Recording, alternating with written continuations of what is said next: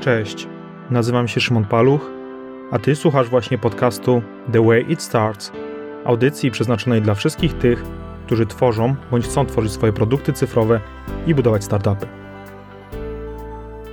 Dzisiaj moim gościem jest Adam Gospodarczyk, znany szerzej jako Overman, pół człowiek, pół robot, wielki misjonarz y, automatyzacji, no-code i osoba, która jest moim osobistym autorytetem, jeżeli chodzi o tworzenie produktów w sposób indie, tak bym powiedział. Więc Kurczę, bardzo mi miło. Cześć, cześć, e, cześć wszystkim. No, nie spodziewałem się takiego intro, mm, ale w zasadzie wszystko, co powiedziałeś, jest zgodne z prawdą. E, faktycznie poza no-code i automatyzacją zajmuję się też programowaniem, więc to wydaje mi się, że warto zaznaczyć.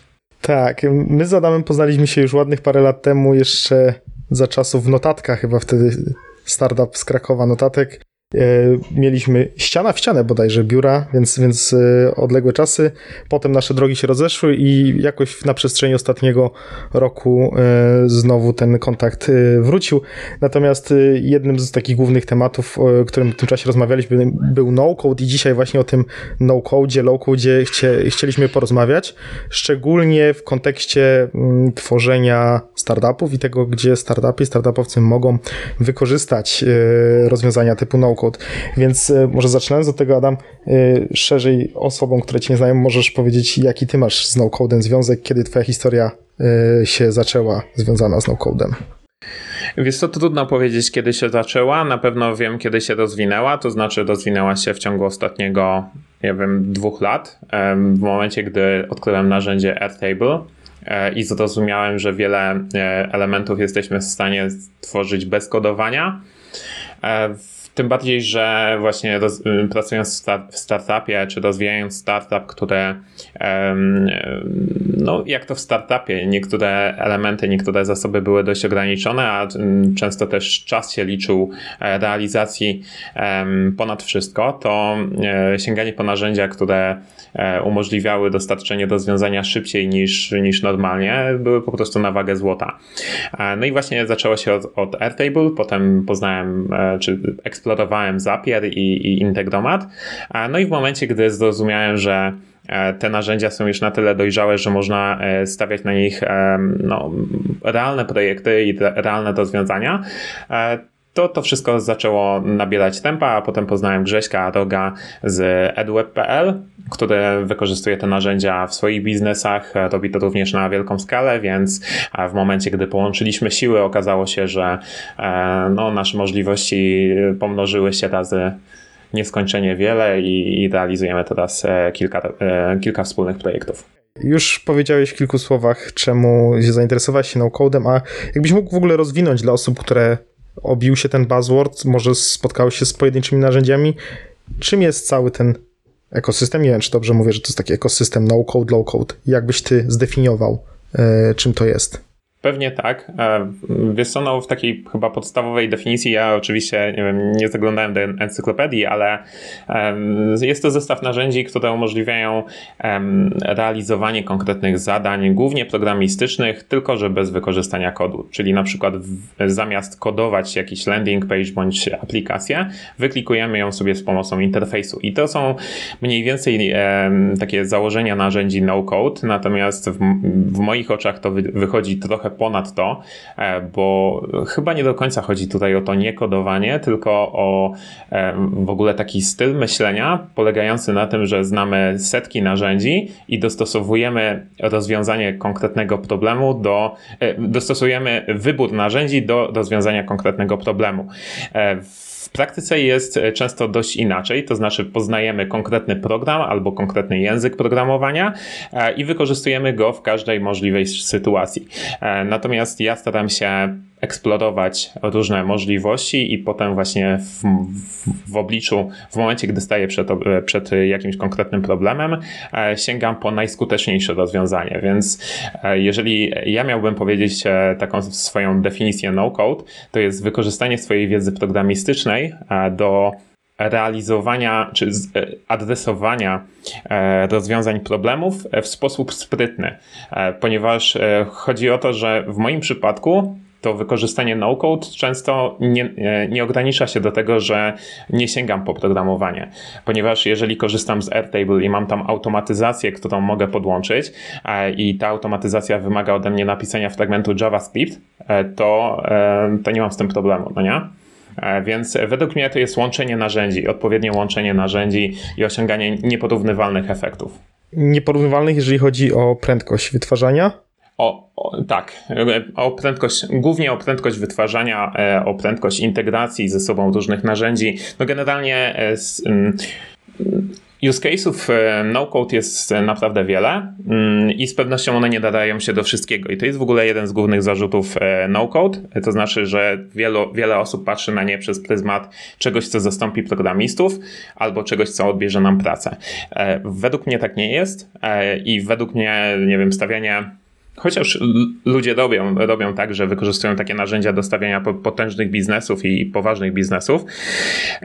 Natomiast e, w moim przypadku narzędzia no-code stanowią pewne uzupełnienie e, ekosystemu właśnie tego programistycznego, czyli na przykład wsparcia procesów marketingowych, budowania narzędzi wewnętrznych e, i tak dalej. Czyli generalnie sprawiają, że nie muszę zajmować się jakimiś nudnymi taskami, które, które można po prostu wyklikać i moja uwaga i energia skupia się wyłącznie na tym, co jest naprawdę ważne, nie? czego wyklikać się nie da.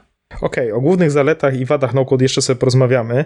Natomiast, żeby jeszcze mocniej zobrazować, bo pewnie niektórzy słuchacze już zetknęli się w swoim życiu z tymi narzędziami. Wspomniałeś już na samym początku o kilku: Zapier, Airtable, nie wiem czy o Webflow też. Na co jeszcze warto zwrócić uwagę? Z czego ty sam korzystasz, albo poleciłbyś do korzystania? Czy takie najpopularniejsze zestawienia? Mm, wiesz co, no, jeżeli chodzi o e, taki core, no to faktycznie Zapier, Integromat, N8N i FTT to są narzędzia służące do łączenia ze sobą aplikacji e, i one odgrywają ogromną rolę.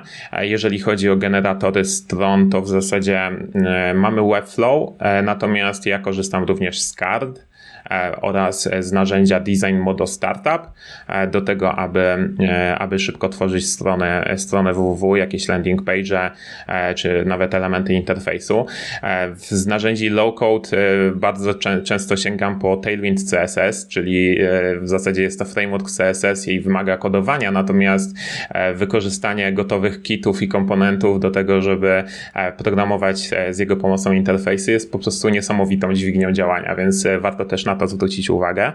E, no i idąc dalej, mamy narzędzia takie jak Airtable, czy nawet zwykły Google Sheet. E, to znaczy, że jesteśmy w stanie podłączyć się do Google Sheeta e, z poziomu API, właśnie wykorzystując Integromat i powiedzmy transformować bądź transportować pomiędzy aplikacjami dane pochodzące z arkusza Excela, no nie? Więc te możliwości są tutaj duże i poza Airtable tak naprawdę tych narzędzi narzędzi, z których korzystam, jest y, w zasadzie niezliczona ilość. Tak jak mówisz, w zależności od tego, jaka jest potrzeba, jaki jest problem do rozwiązania. Dokładnie tak. Dokładnie tak. I często nawet y, problem do rozwiązania też jest jednym aspektem, ale czasem na przykład wykorzystanie konkretnego narzędzia w konkretnym przypadku jest nieopłacalne. To znaczy, że mam na przykład usługę służącą do generowania obrazków e, i w sytuacji, gdy miałem e, projekt e, którego celem było wygenerowanie na przykład 10 tysięcy plików, no to widziałem, że mi się to nie spina po prostu finansowo, no nie? E, I z tego powodu musiałem sięgnąć po inne narzędzie. No i wtedy, wtedy to miało po prostu więcej sensu. Tak samo wykorzystanie Airtable w sytuacji, gdy musimy pracować wiele osób na, e, na tym samym arkuszu, E, sprawia, że model biznesowy tego narzędzia po prostu się tutaj nie spina. To znaczy płacimy po prostu dużo za użytkownika i nie zawsze po prostu albo klient klienta na to stać, albo klient po prostu chce uniknąć tych dodatkowych kosztów, więc warto o tym pamiętać. Ja z takich narzędzi jeszcze, których nie wspomniałeś, a wydaje mi się, że też niektórzy mogli się zetknąć, to Bubble.io do, dość ciekawe narzędzie. Natomiast yy, w mojej ocenie, i to już tak by przechodząc trochę do historii, yy, w pewien sposób można zaliczyć do takich narzędzi na przykład WordPressa. Według mnie można. E, w ogóle narzędzia no-code to nie jest nowość, to jest coś, co z nami istnieje od dawna. Tak naprawdę ja w ogóle patrzę na to, to trochę szerzej, e, bo e, narzędzia no-code są pewną warstwą abstrakcji, czyli pewnym w tym przypadku uproszczeniem. To znaczy, że zamiast uczyć się kodowania, po prostu wyklikujemy pewne elementy, albo nawet znając programowanie, znając jakieś języki, ułatwiamy sobie pracę poprzez właśnie wyklikiwanie jakichś konkretnych elementów.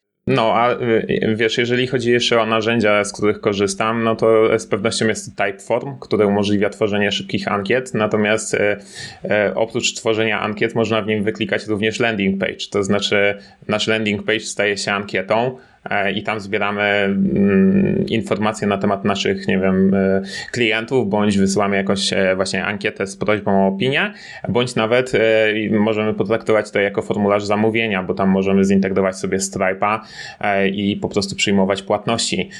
Tak samo Typeform i jego logiczne E, w sensie możliwość tworzenia logicznych powiązań pomiędzy pytaniami sprawia, że możemy go wykorzystać do tego, żeby na przykład e, przetestować użytkownika, który ukończył nasz kurs online e, i na podstawie jego wyników wygenerować certyfikat. W sensie to już nie z typeformem, ale również z powiązaniem narzędzi. Także jak widzisz, dochodzi tutaj do wiązania ze sobą różnych narzędzi realizujących często jedno zadanie.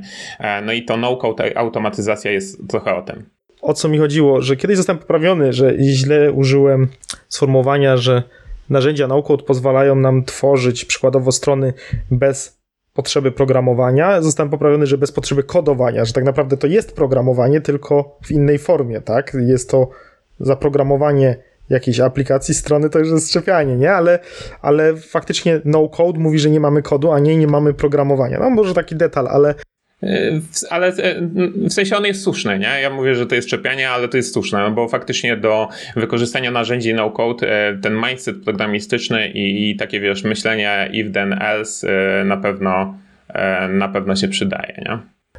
Z takich narzędzi historycznych jeszcze, wspominaliśmy o WordPressie, który znamy od wielu lat. Jedno z takich chyba w ogóle pierwszych narzędzi, które ja kojarzę no-code, wtedy nie wiedziałem, że nie nazywało się to oczywiście jeszcze w taki sposób, to był Microsoft Front Page bodajże do tworzenia stron właśnie w sposób taki jak dokumenty Wordowe.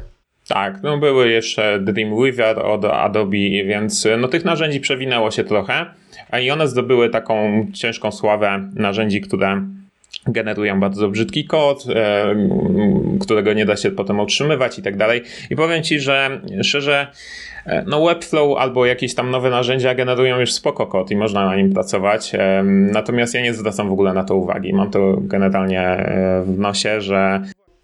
Że to jest właśnie... Mm ten klucz, dla którego te rozwiązania stały się popularne w, na przestrzeni ostatniego roku, dwóch lat, czyli e, poprawa jakości kodu, poprawa jakości działania, co, co... Nie, nie, nie, wątpię. Wąt, w sensie, nie wiem, może dla kogoś to ma znaczenie. E, według mnie to jest kwestia możliwości, tego, że wiele twórców, wielu twórców zrozumiało, jak ważne jest API e, w projektowaniu swoich produktów e, i co za tym idzie, możliwość przesyłania danych pomiędzy usługami i aplikacjami. To znaczy, że w tej chwili e, to, co na przykład ja robię często, to nie jest programowanie jednej aplikacji, tylko jest to tak naprawdę programowanie, bo w momencie, gdy tworzymy zwykłą aplikację e, z pomocą e, języków programowania, tak naprawdę wszystko rozbija się o przesyłanie i transformowanie danych. Tak samo jest tutaj, tylko że ta transformacja i przesyłanie odbywa się nie w ramach jednego, jednej aplikacji, jednego serwera i tak dalej, tylko w ramach wielu różnych usług, które często e, po prostu nie należą do nas. Także jak widzisz, można na to popatrzeć trochę z innej perspektywy, no a to daje po prostu niesamowite możliwości. Co ciekawe, to co teraz powiedziałem nie jest żadnym odkryciem. No bo nie wiem, jeżeli mamy do napisania e, wysyłkę maili w ramach aplikacji, którą tworzymy, no to raczej nikomu nie przychodzi do głowy, żeby tworzyć e, samodzielnie system mailowy, tylko korzystamy z jakiegoś e, Mailguna, czy Mandrilla, czy innych usług. Natomiast tutaj chodzi o to, żeby wychodzić jeszcze poza te schematy, czyli na przykład jeżeli mamy integrację E, z systemem CRM, to nie wchodzimy do jego API, tylko sprawdzamy, czy ma integrację w Zapierze. Jeżeli tak, to po prostu przesyłamy dane na webhook i koniec, nie? E, sprawa jest załatwiona. Nie ma sensu po prostu zgłębiać się w jakieś tam zaawansowane aspekty, skoro e, możemy coś wyklikać. Ja miałem ostatnio taką sytuację, łączyliśmy się z naszym systemem sprzedażowym, który miał swoje API, No i oczywiście można było postawić jakąś swój mikroserwis, swoją aplikację, złączyć się z tym API, wysłać potem do Google Analyticsa te dane, bo tam w Analyticsie chcieliśmy to zbierać, ale się okazało, że Zapier ma tą integrację i bez potrzeby autentykacji jakiejś bardzo skomplikowanej, e, po prostu wyciągnęliśmy dane na odpowiednim triggerze, przesłaliśmy do Analyticsa i spokojnie. Natomiast y, to, gdzie ja porównuję jakby, czym jest programowanie przy pomocy narzędzi no-code, ja mam tak, takie porównanie, że to jest trochę jak praca takiego architekta, software architekta, czyli skupiamy się na poukładaniu pewnych klocków, przepływie danych, y, integracjach, a niekoniecznie sami wchodzimy w kod, klepiąc go z palca. Tak, tak. No i tam, y, wiesz, często trzeba iść na pewne na pewne kompromisy. Mm, może nie często, ale czasem. To znaczy, że jeżeli na przykład stawiamy wspomniany landing page na Typeformie, no nie, to, to jednak mamy ograniczone możliwości modyfikacji tego interfejsu. E, natomiast z tym też trzeba być ok. E, no ja jestem ok i to daje mi po prostu taką przewagę, że jestem w stanie, nie wiem, e, z przygotować ankietę, która świetnie wygląda i, i zaczyna zbierać lidy w ciągu 15 minut, a nie e, o kurczę, kodować ją samemu i spędzać na, na, nad, tym tydzień, no nie? Więc e, jak widzisz, jest tutaj ta przewaga czasu i realizacji jest po prostu ogromna, e, tym bardziej, że jak wiesz, zajmujesz się tworzeniem produktów, e, niczego nie można zakładać jako pewnik, wiele rzeczy trzeba sprawdzić e, i tutaj e, te, te szybkie iteracje, szybkie sprawdzanie i odpowiadanie na pytania są po prostu na wagę złota i, i to jest doceniane szczególnie w świecie startupów, gdzie, e, gdzie ta iteracja, e, wiesz, jest ograniczony czas w postaci mm, kasy na koncie i no, pewnych rzeczy się nie przeskoczy, nie? Więc je...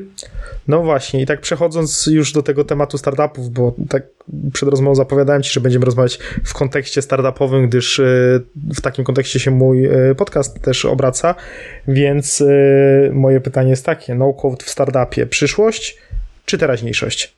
Jak myślisz? To trudno powiedzieć. Adopcja tych narzędzi i, zrozumienie wydaje mi się, że jest jeszcze na wczesnym etapie. E, z pewnością są już startupy, które to wykorzystują. To wszystko idzie do, do, do nas z Doliny Krzemowej i tam gdzieś ze Stanów, prawda, gdzie e, po prostu te potrzeby pojawiają się wcześniej i rozwiązania też pojawiają się wcześniej, więc do nas, do Polski ta adopcja według mnie przychodzi.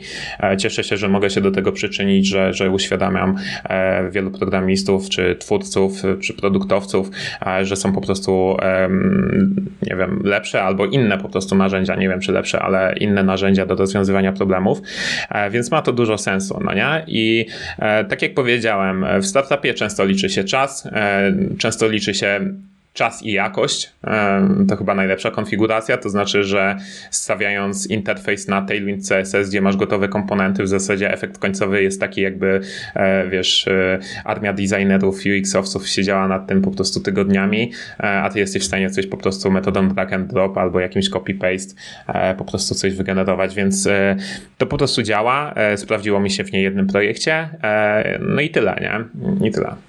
No i właśnie, teraz dalej idąc y, w te startupy, w projekty, w gotowe produkty. Wcześniej, jak wspominałeś, że bardzo fajnie się wykorzystuje no-code w tych takich, y, w takich supportowych czynnościach marketingu, w automatyzacji jakichś procesów wewnątrzfirmowych, w sprzedaży, w pobieraniu leadów. A na ile no-code już teraz możemy wykorzystać jako narzędzie do stworzenia tego koru produktowego? Nie wiem, szczerze nie mam czymś takim e, e, do czynienia. Narzędzia no-code wykorzystywałem do tworzenia takiego kodu, ale na etapie mm, wczesnym etapie, na etapie prototypu walidacji, e, gdzie po prostu prędzej czy później, na przykład teraz, dosłownie teraz, nie wiem, godzinę temu pracowałem nad aplikacją, która miała swój początek właśnie na etapie prototypu stworzonego w Airtable, stworzonego w jakimś właśnie Bubble do, do przygotowania formularzy i tak dalej, więc, więc więc to wszystko e, sprawiło, że byliśmy w stanie szybko zweryfikować możliwości, jakieś ewentualne zagrożenia i przede wszystkim przetestować, czy koncepcja jest ok. Zajęło nam to dwa tygodnie. Nie, w sensie, czy warto potem wydać pieniądze? Tak, dokładnie, dokładnie. Dokładnie, to była, to była odpowiedź na pytanie, czy warto, w, warto w to dalej iść. No i po dwóch tygodniach już wiedzieliśmy, tak naprawdę po tygodniu już wiedzieliśmy, że warto, że to działa. No i potem, potem po prostu zaczęliśmy e, procesować już wszystko, że tak powiem, w standardowy, czy może nie w standardowy sposób, bo ta aplikacja dalej wykorzystuje elementy, które e, są z pogranicza no-code, więc e, jak widzisz, to jest połączenie, nie? No i mówisz dwa tygodnie. Myślę, że wiele osób, które myśli już teraz o swoich produktach, w głowie tu już taka lampka się zapala dwa tygodnie. Kurczę, ale świetnie byłoby właśnie walidować sensowność pewnych inicjatyw w dwa tygodnie, co jest stosunkowo niewielkim czasem, w porównaniu, gdzie nawet robiąc po godzinach pewne, pewne projekty, bo, bo dużo osób tak zaczyna, nie? No tutaj wiemy, że zrobienie czegoś w dwa tygodnie, nawet do takiego formy prototypu, który ma ograniczone funkcjonalności, czy, czy jakieś MVP, jest bardzo ciężkie tak naprawdę. Tak, tak. Często e, ja, nie wiem, spotkałem się z, takim, z taką opinią, czy wypowiedzią, e, gdzie ktoś mówił, że etap planowania zajmuje tam 5-6 dni, nie? E, Jakiegoś tam pomysłu. No, no wiesz, ja spotykam się, w sensie, ja realizuję też z Grześkiem projekty, w których często etap przygotowania, wiesz, takiego koda, która, którego, który testujemy po prostu już na żywym organizmie, często zajmuje nawet nie dwa tygodnie, tylko kilka godzin. I, I, jak czasem tutaj w swoim gronie znajomych gdzieś tam o tym mówię, że dzisiaj wpadliśmy na pomysł, a za 10 godzin mamy efekt i, i to już się zderza z rynkiem, no to każdy łapie się za głowę i mówi, że, że to jest w ogóle niemożliwe, nie? No, to po prostu się dzieje. Tylko to jest rewelacja, co mówisz yy, z tymi kilkoma godzinami, 10 godzin od idei do, do jakiejś pierwszej wersji, bo ja miałem okazję ostatnio przeprowadzić takie wywiady z programistami, którzy chcą tworzyć swoje produkty, którzy mają jakieś swoje idee, idee albo stworzyli swoje produkty. I jedną z takich najczęstszych bolączek, która się pojawia, jest to faktycznie, że oni robią te rzeczy po godzinach, ten czas, który na to mogą poświęcić, jest go stosunkowo mało, najczęściej dużo, yy, dużo tego się odbywa kosztem snu, bo dużo ludzi ma dość dużą potrzebę czy to tworzenia, czy rozwiązywania problemów, chcą to robić, nie mają innej opcji, mając etatową pracę, więc to, co im zostaje, to szarganie się na swoje zdrowie tak naprawdę, nie? Czyli nadwyrężanie snu.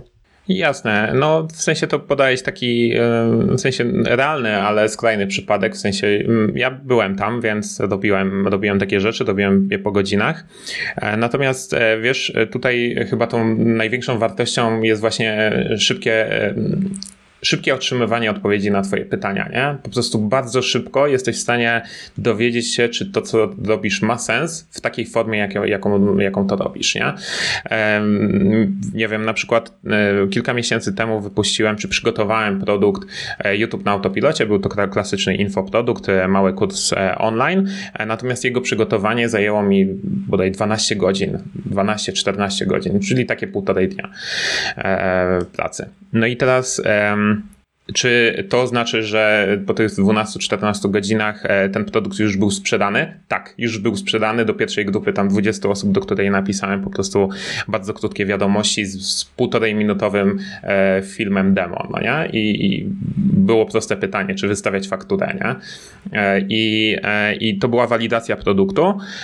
W momencie, gdy w momencie, gdy te osoby kupiły ten produkt i zaczęły wdrażać wiedzę z niego, ja po kilku tam tygodniach, no tam może minęły nawet dwa miesiące e, od tego pierwszego e, czasu, e, zebrałem po prostu szczegółowe opinie już, już od nich, no i przygotowałem pełną sprzedaż i, i to wszystko po prostu miało sens od samego początku, natomiast ten etap walidacji, ja po tym etapie walidacji, po jednym dniu, po, po dwóch, wiedziałem, że ten produkt ma po prostu dużo sensu, nie? Fakt, że się przesunął w czasie wynikał po prostu z innych projektów, które prowadzę, natomiast tak naprawdę mógłbym zamknąć to w jednym tygodniu. Czy tu sobie odpowiedzieliśmy tak naprawdę, jakie są te największe benefity też w ramach czy to startupu, czy ogólnie pracy z czyli szybka walidacja, przyspieszenie tego, tego etapu, w którym najważniejsze jest sprawdzenie niepewności. Y, czy jeszcze jakieś rzeczy, na które warto, warto by tu wspomnieć od, odnośnie benefitów? Jest to korzyść dla programistów, e, wynikająca z tego, że nie musimy, w sensie, że możemy wyeliminować bardzo nudne elementy, na przykład tworzenie e, internal tooli, jakichś paneli administracyjnych, paneli raportowych, e, modyfikowanie ich możemy zastąpić wykorzystaniem narzędzia retool, które po prostu metodą drag and drop tworzy, tworzy takie panele z możliwością generowania wykresów, eksportowania danych i tak. Nie? No, nawet, nawet wykorzystując e, gotowe biblioteki, e, przygotowanie eksportowania danych z, z bazy danych e, do pliku CSV, CSV zajmuje, no może nie godziny, ale, ale przynajmniej kilka dobrych minut, w zależności od naszego doświadczenia i, i, i skomplikowania. Tak tutaj po prostu to jest kwestia dosłownie kilku minut, gdzie, gdzie wyklikujemy konkretny interfejs i tylko jedynym wyzwaniem jest podłączenie źródła danych, nie? którym może być tak naprawdę wszystko łącznie z arkuszem Google Sheets. No to jeżeli mamy już takie główne, główne namierzone zalety, to jakie są wady, co nas ogranicza, kiedy może właśnie nie stosować no-code? Kiedy nie stosować? Wiesz co, no, wydaje mi się, że mm, wtedy, kiedy no-code, y, przede wszystkim trzeba zrozumieć, czym są narzędzia no-code i, i poznać ich możliwości i stosować je wtedy nie dlatego, że chcemy wykorzystać to narzędzie albo lubimy Bubble czy, czy Webflow, e, tylko sięgać po nie wtedy, gdy mamy konkretny problem, który możemy skutecznie rozwiązać z pomocą tych narzędzi. Więc e, według mnie największym problemem narzędzi no-code jest to, że są stosowane w miejscach, w których nie powinny być stosowane. Wiem, że to jest dość ogólne, ale tak po prostu jest. E, I zresztą podobnie jest w przypadku frameworków, progra- nie wiem, JavaScript, gdzie mamy React e, dla przykładu i mam programistów, którzy stawiają w nim blogi i w ogóle, wiesz, w czystym Re- Reactie, nie mówię tutaj o, jakimś tam Gatsby czy, czy e, innych narzędziach, które e, zasadniczo ułatwiają ten proces, e, natomiast e, często mamy po prostu niedostosowanie narzędzia do problemu, który rozwiązujemy. Nie? No po co stawiać, e, konfigurować aplikację w Reactie do tego, żeby postawić e, trzy strony w HTML-u, no nie? A powiedz mi na przykład cena, bo dużo osób też na to zwraca uwagę, że y, mając jakąś, y, jakiś pomysł, musimy skorzystać przykładowo z trzech, czterech, pięciu różnych połączonych narzędzi. Każde z nich działa w jakiś tam sposób subskrypcyjny. No i nagle się okazuje, że mm, tutaj te koszta mogą być dla niektórych problemem. Przynajmniej ja się spotkałem z takimi opiniami. Tak, dla niektórych na pewno są problemem, e, natomiast ja patrzę, w sensie, jak można na to spojrzeć? No, można spojrzeć przez pryzmat oszczędności czasu, tak? No ile twoja godzina jest warta, nie? E, Czy twojego zespołu. E, I jeżeli zaoszczędzisz 3 miesiące pracy, a zobacz, godzina, godzi, w sensie, ile jest warta godzina, to jedno, ale ile stracisz w tym czasie możliwości, to jest zupełnie inny wymiar, który nawet ciężko chyba policzyć. Więc zapłacenie tych kilku dolarów za narzędzie dla mnie nie stanowi jakiegoś e, problemu, e, szczególnie w obliczu tych korzyści, które za tym płyną. E, Natomiast, tak jak powiedziałem wcześniej, w niektórych przypadkach zastosowanie tych konkretnych narzędzi, które mają na przykład nieatrakcyjny model biznesowy w konkretnym scenariuszu czy kontekście, po prostu mija się z celem i faktycznie to na pewnej skali po prostu nie ma już sensu.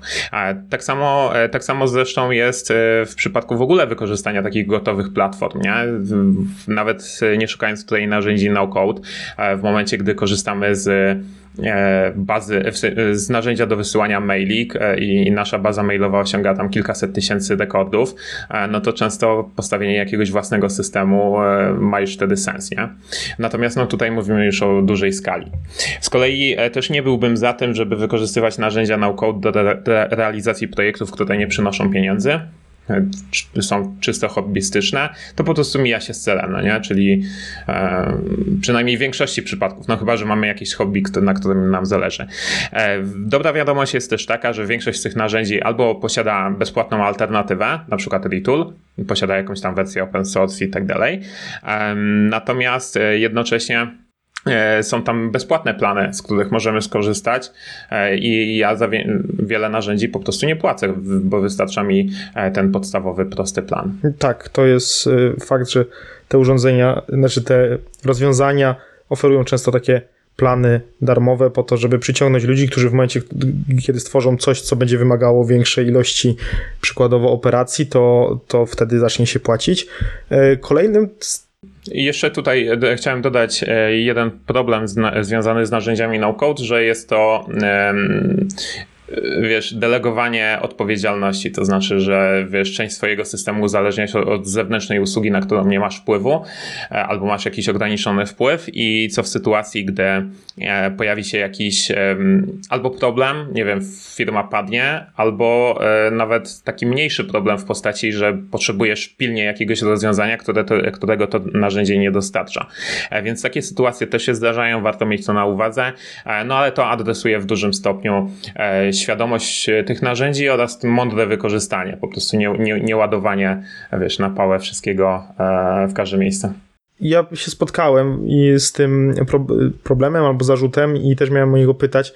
Podobnie będzie pewnie też w kontekście security i wysyłania danych gdzieś na zewnątrz do narzędzia. Tak, tak, tak, tak. I tutaj Wiesz, no, ja do tego podchodzę i, i pewnie tak jak ty, to jest dokładnie to, co ty powiedziałeś, tylko w takich słowach może bardziej ubranych biznesowo, na zasadzie, no tworząc produkt komercyjny, no tak naprawdę w większości przypadków zarządzamy ryzykiem, czyli oceniamy, szacujemy, jakie jest ryzyko wystąpienia pewnych yy, sytuacji. Jeżeli ono jest na odpowiednio niskim poziomie, no to możemy spokojnie pójść w danym kierunku. Jeżeli ryzyko szacujemy na stosunkowo wysokie, no to oczywistym jest, że nie wybieramy tego rozwiązania. Tak. To są dokładnie te same zasady. Tak samo wybierając technologię czy framework do swojego projektu, bierzesz pod uwagę to, jak długo jest na rynku, jakie ma community i tak dalej. Więc y, tutaj zasady działania są dokładnie takie same. Nie? Dokładnie o to mi chodziło. Dobra, no to mamy już te przeciwwskazania, można tak powiedzieć, do stosowania no-code. A powiedz mi, podczas wdrażania, czy, czy te narzędzia są na tyle proste, przynajmniej te, z którymi ja się spotkałem, tak było, ale ty masz większe doświadczenie, dlatego też chciałem tutaj o to ciebie podpytać, czy taki startupowiec, który faktycznie zaczyna, ma jakiś pomysł na MVP, załóżmy, że nawet może nie ma dużego doświadczenia technologicznego, nie? I teraz chce wykorzystać do tego no-code. Czy to jest dobry pomysł, czy jednak faktycznie tutaj ta wiedza programistyczna gdzieś tam będzie kluczowa jednak y, przy, przy tych narzędziach, bo są one skomplikowane? Jest na pewno core kompetencji, które trzeba posiadać, e, żeby sięgać po narzędzia no-code. E, jest to m.in. znajomość API, protokołu HTTP, przesyłania danych, tego, nie wiem, struktury obiektów JSON i tak dalej. No, to wszystko się po prostu powtarza w ramach tych narzędzi. E, warto znać jakieś podstawy HTML-a, chociażby obsługa Webflow, pomimo tego, że jest to interfejs graficzny, no jednak, nie wiem, koncepcję Flexboxa trzeba znać, żeby tam się połapać, co, co robią poszczególne kontrolki. Więc jak widzisz, jest jakiś e, set kompetencji, które trzeba posiadać. My w ramach zautomatyzowanych takimi kompetencjami się dzielimy, czy, czy w ramach Niekoduj um, oraz EduWeba. E, natomiast, um, natomiast poza tym um, tam nie jest też kwestia samej obsługi tych narzędzi, tylko również takiego zmienionego trybu myślenia i znajdywania Trudno mi to przekazać e, takimi prostymi słowami, ale chodzi o. E, w większości przypadków chodzi o e, pomysł. To znaczy, wiesz, jak patrzę, patrzę nawet na Airtable, no to jak na pierwszy rzut oka na to patrzysz, no to myślisz sobie, no fajny Excel, nie? Mm, natomiast, wiesz, chociażby możliwość wykorzystania tej nowej zakładki Automations sprawia, że przykładowo, jeżeli dodaję link do mojego newslettera i potrzebuję z tego linka wyciągnąć zrzut ekranu, to wykorzystałem sobie tą zakładkę do tego, żeby obserwowała, czy pojawił się w konkretnej kolumnie e, pojawiła się nowa wartość, a jeżeli tak, to e, wysyła zapytanie e, do usługi, która robi zrzuty ekranu i, i zwraca mi obrazek, nie? Więc zobacz, że tutaj jest właśnie kwestia jakiegoś tam konkretnego pomysłu i łączenia ze sobą tych pomysłów do tego, żeby osiągać efekty. To wszystko płynie z doświadczenia i płynie z eksplorowania tych doświadczeń. Ja tutaj polecę bardzo serwisy takie jak Indie Hackers oraz MakerPad. No i oczywiście zautomatyzowani.pl naszego YouTube'a, gdzie staramy się dzielić właśnie takimi inspiracjami, e, które potem pozwalają łączyć kropki. Tak, tutaj też polecę. Akurat miałem okazję podglądać kilka filmików u Adama i Grześka zautomatyzowanych, więc jest tam fajna wiedza, która właśnie przede wszystkim inspiruje do tego, jakie rozwiązania u siebie e, wdrożyć.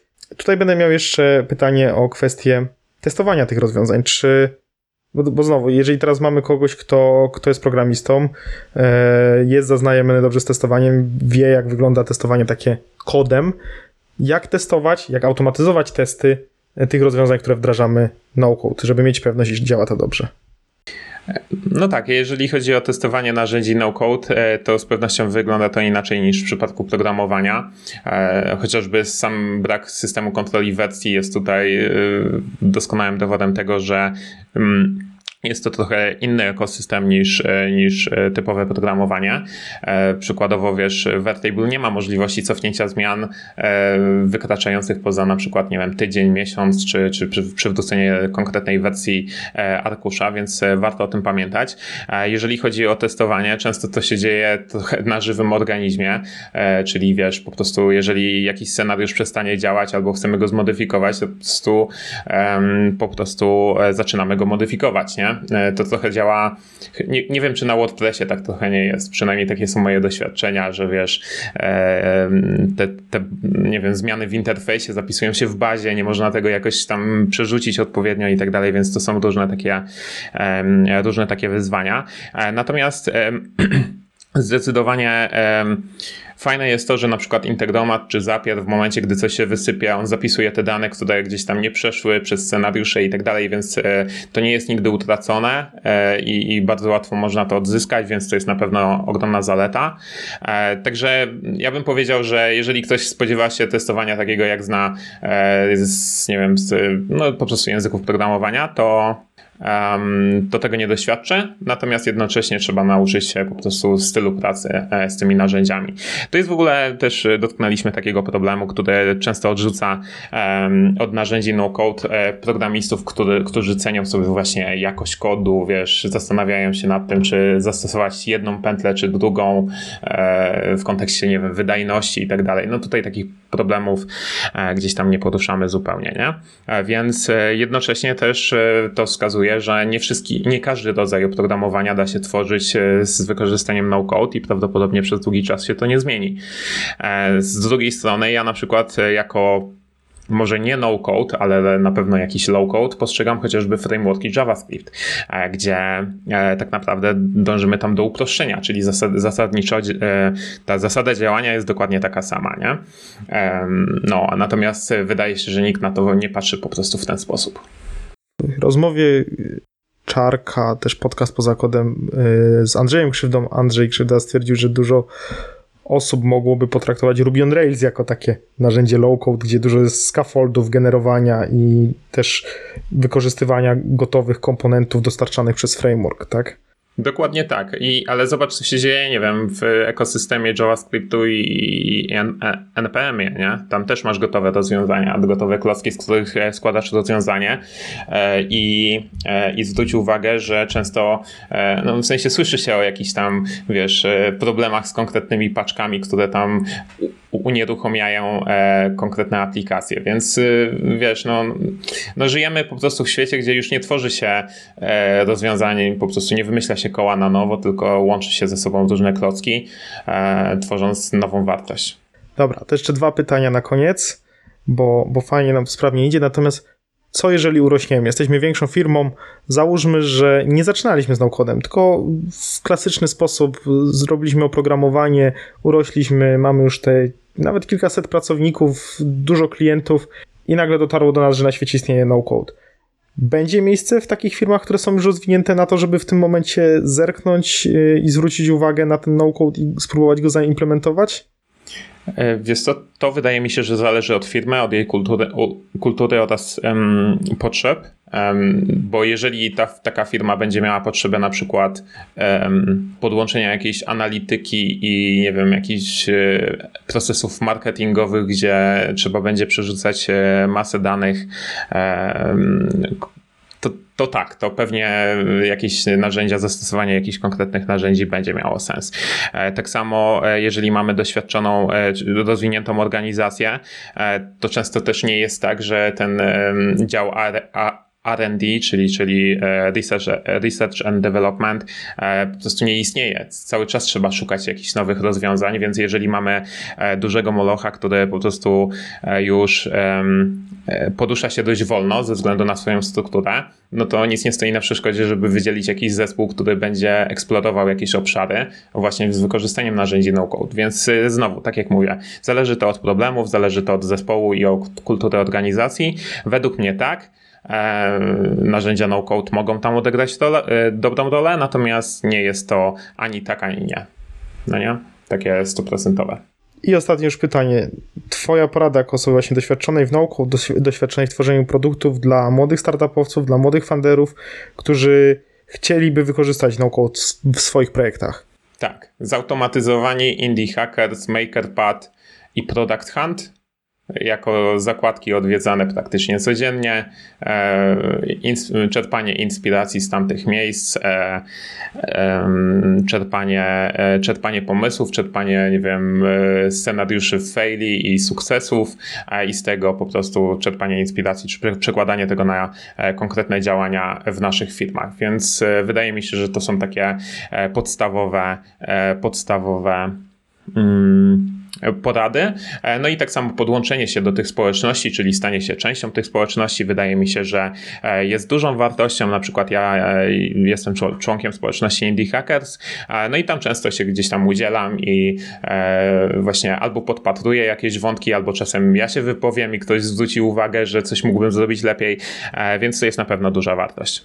Super, wielkie dzięki Adam. Ja też podpisuję się pod tym, co Adam powiedział.